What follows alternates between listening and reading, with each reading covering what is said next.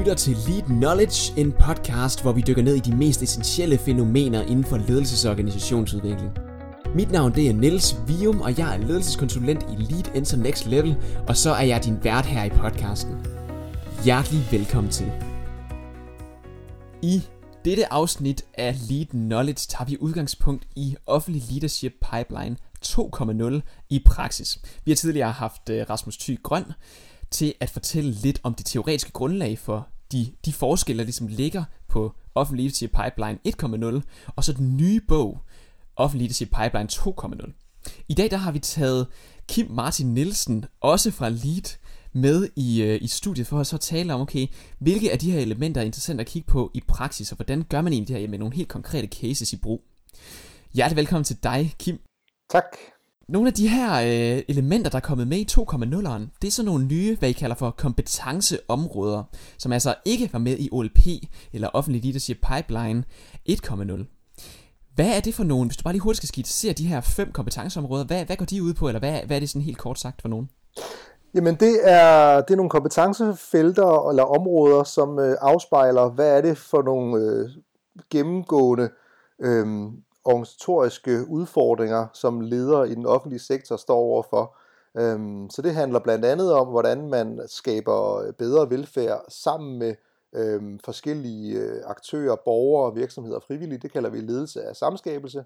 Og yes. så er det øh, et område, der handler om, hvordan man bliver bedre til at arbejde på kryds og tværs af, af de siloer eller enheder, man har bygget op i sin organisation. Det kalder vi tværgående ledelse.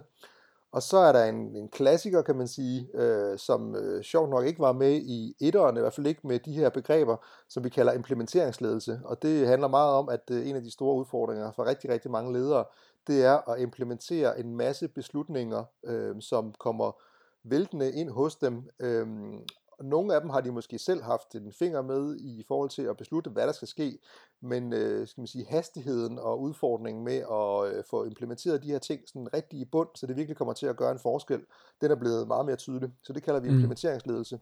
Yes. Og så er der et kompetencefelt omkring præstationsledelse. Øhm, nu har øh, sådan performance management jo fået en masse hug af gode grunde, øh, så vi har prøvet at kaste os ud i sige, hvordan laver man egentlig en mere begavet form for, for målstyring, hvor man egentlig hjælper medarbejdere øh, og organisationer med at, at nå sine mål, men ikke bare, ikke bare at hele tiden holde dem op på målet, men også hjælpe dem med at, at reflektere og lære undervejs i det her. Og endelig så er der et, øh, et område, som vi kalder innovationsledelse.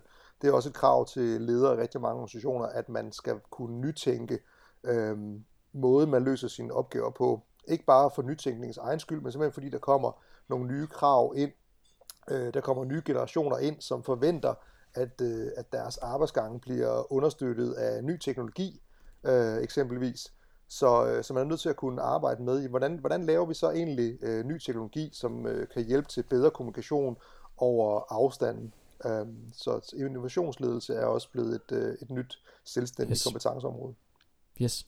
Det lyder rigtig spændende, alle de her fem kompetenceområder. Øhm, vi har jo ikke uendelig lang tid i den her øh, korte podcast. Øh, folk skal også videre her om en 10 minutters kvarters tid. Øh, men jeg kunne rigtig godt tænke mig at tage fat i et par stykker af de her, og så prøve at snakke lidt mere i dybden, og måske endda i praksis omkring øh, måske en eller to af de her kompetenceområder. Hvad nu hvis vi nu starter med det, jeg synes lyder rigtig spændende, det er omkring implementeringsledelse. Hvad går det ud på, og har du nogle eksempler i praksis, hvor du har prøvet at arbejde med det her? Jamen dybest set så går det ud på at, øh, at forholde sig lidt mere øh, skal man sige, systematisk til, at implementering, det, øh, det er måske ikke altid så, så let, som man får det til at, at lyde. Øh, mm. Uh, og det findes der masser af eksempler på, uh, hvis jeg skal nævne et par af de, sådan, de helt store fejlslagende implementeringer, som jeg tror yes. stort set alle kender til så kan du tage folkeskolereformen, den, øh, den seneste folkeskolereform her, som vækkede ekstremt meget modstand. Der var selvfølgelig alle mulige fodfejl i processen osv., men ikke desto mindre så stod øh, ledere ude på de skolerne med en kæmpe opgave om at implementere den her folkeskolereform.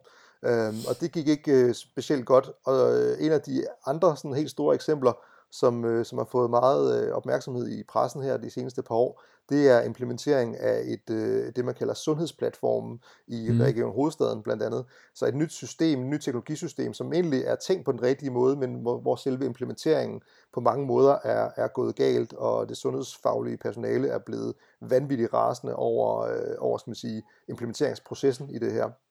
Så det er et par eksempler på, hvor det ikke mm. er, er gået helt godt med at implementere nogle store nye forandringer. Og hvad er det så, I, I, I prøver at beskrive her i bogen? Øh, hvordan lægger I fokus på implementeringsledelse? Hvordan kommer I konkret til sagen om, hvad man så skal gøre, når der opstår så mange udfordringer, når at større organisationer skal implementere forskellige tiltag? Jamen, en af de ting, vi, øh, vi gør, det er sådan set at, at hjælpe ledere med at finde ud af, jamen, hvad skal hvert enkelt ledelsesniveau egentlig lykkes med, for at noget bliver implementeret. Så det handler blandt andet om at kigge på, øh, på ledelseskæden fra top til bund og sige, jamen dem, som sidder øh, højt oppe i ledelseskæden, de, øh, de kan, som til at begynde med, kan de hjælpe deres organisation ved at blive helt klart på, når vi nu implementerer det her og ruller det ud, som man ofte kalder det her, ja. hvad er det så egentlig, der er, øh, der er de gode grunde til det, og øh, hvad, hvordan kommer det til at, at ske? Øh, hvad er den samlede plan for det her? Hvor stor frihed er der til at kunne implementere det her? Øhm, og det skal de jo kunne øh, kommunikere til næste ledelsesniveau og være i dialog med dem. Øh, de skal også være åbne for, at dem, som sidder tættest på praksis, at de som regel har nogle rimelig gode fornemmelser af, hvordan, hvordan vil det se ud, hvis det her det skal, skal lykkes? Øh, hvad skal vi tage højde for?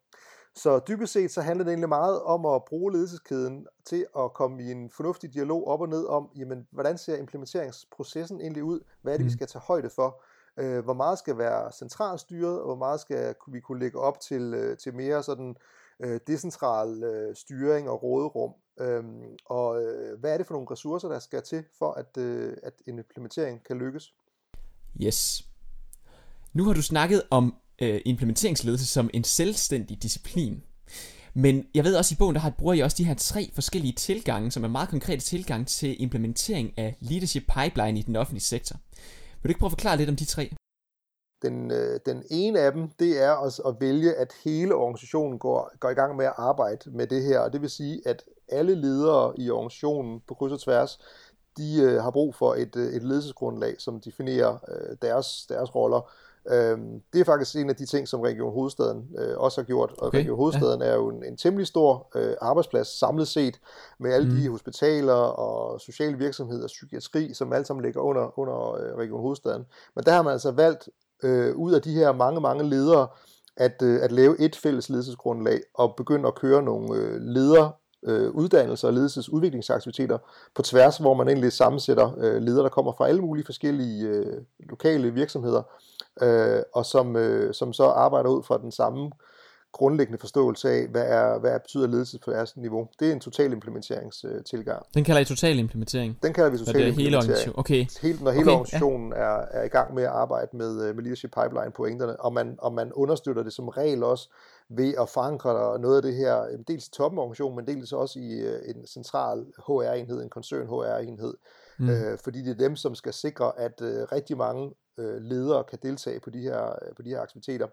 Typisk gør man også det i total implementeringstilgang, at man øh, tilretter de forskellige øh, HR-understøttende værktøjer, det vil sige, øh, hvordan laver man god rekruttering, hvordan øh, onboarder man nye ledere, hvordan evaluerer man, om lederne lykkes, øh, hvad er det for nogle typer af samtalekoncepter, øh, yes. for eksempel ledelsesudviklingssamtaler, som man, man går til, Yes. Og, øh, og dem, dem udvikler man så centralt fra, og øh, så er der selvfølgelig plads til at, at tilrette det og justere det ude i de enkelte steder, men, øh, men frem for at, øh, at lade alle opfinde den dybe tallerken, så, øh, så understøtter man det centralt fra.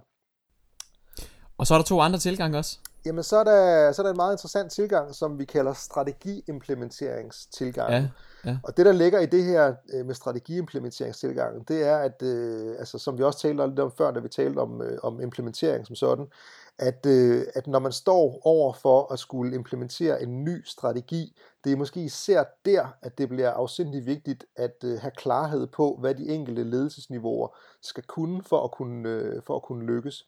Så, øh, så det vi egentlig gør, det er at sige, men med de ting, som øh, organisationen samlet set skal lykkes med, og som er strategisk af høj vigtighed for dem, hvad er det så for, nogle, øh, for noget ledelsesadfærd og mindset, man ønsker på de forskellige ledelsesniveauer?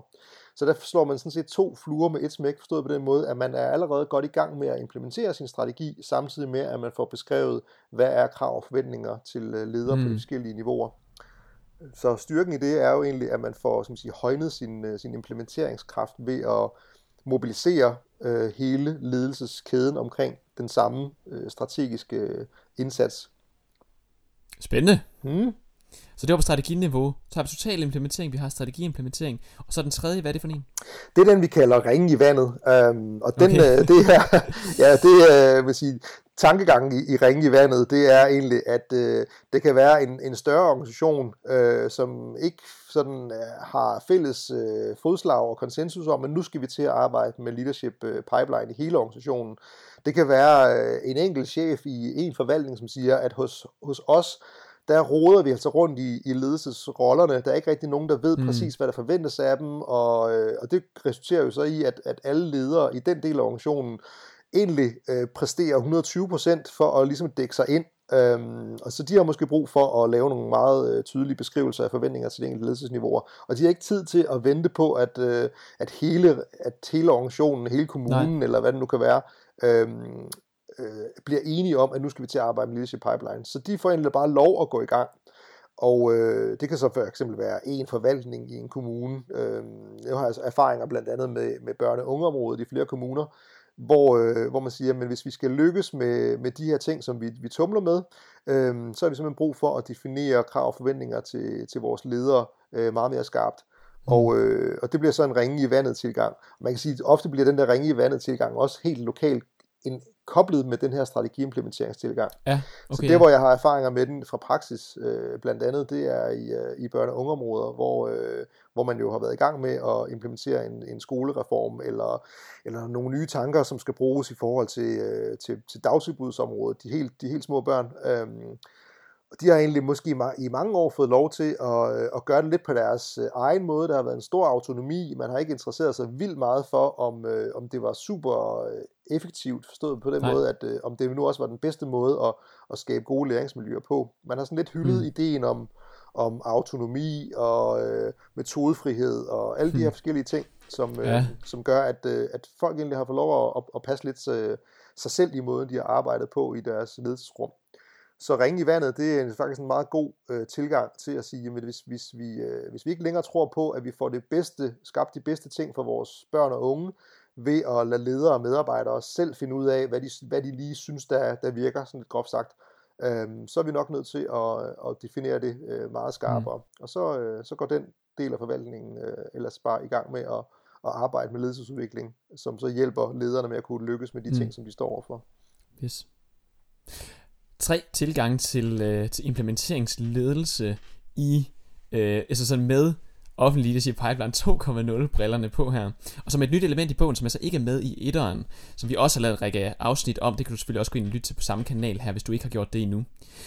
Du nævnte også en anden, og det kan vi selvfølgelig kun nå at komme lige helt kort ind over, men en anden, et andet kompetenceområde, som er tværgående ledelse.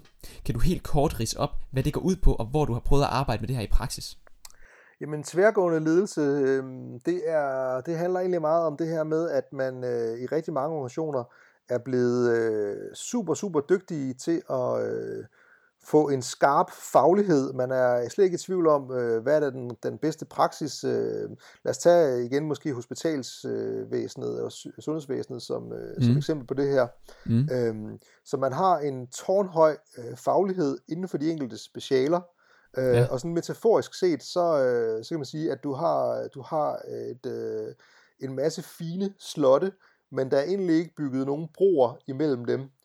Problemet med det, det er så, at, øh, at patienter, langt de fleste patienter, de fejler ikke kun én ting. Så øh, når de kommer på besøg i det her slot, så mangler de sådan set de her broer, som, øh, som ikke er blevet bygget. Så tværgående ledelse, det handler dybest set om at, øh, at hjælpe sig selv til som, øh, som organisation at gøre øh, brugerens oplevelse mere sammenhængende. Og det har mm. der jo mm. egentlig været intentioner om i rigtig, rigtig mange år. Jeg startede selv som, øh, som udviklingskonsulent i sundhedsvæsenet for 20 år siden. Allerede ja. dengang snakkede man om, at det var rigtig vigtigt, at der var kvalitet og sammenhæng i øh, patientforløbet. Øhm, men det tager altså nogle, noget tid at, øh, at tilpasse en kultur og bygge nogle nye systemer, som rent mm. faktisk kunne lykkes med det her. Og tværgående ledelse, det skal man sige, det er så et, øh, et rigtig godt eksempel på, at, øh, at nu man sådan så småt ved at, øh, at tage den øh, udfordring op, og arbejde med den i mm. sundhedsvæsenet. Mm. Øhm, dels ved at ændre på nogle øh, strukturelle forhold, men egentlig også rigtig meget ved at ændre på den kultur og den selvforståelse, man har. Øh, at det ikke er nok at være god til sit eget fag og løse sin egen del af opgaven helt optimalt. hvis, øh, hvis det så ikke er koordineret og hænger sammen med, øh, med resten af organisationen, den måde, de, de løser opgaven mm. på. Og hvordan man helt konkret skal gøre det, kan man selvfølgelig også læse meget mere om i bogen Offentlig Leadership Pipeline 2.0, hvor man også kan, kan, kan få læst godt op på de tre andre kompetenceområder. Kim, tusind tak, fordi du gad deltage i det her interview om Offentlig Leadership Pipeline 2.0 i praksis. Tak skal du have. Selv tak.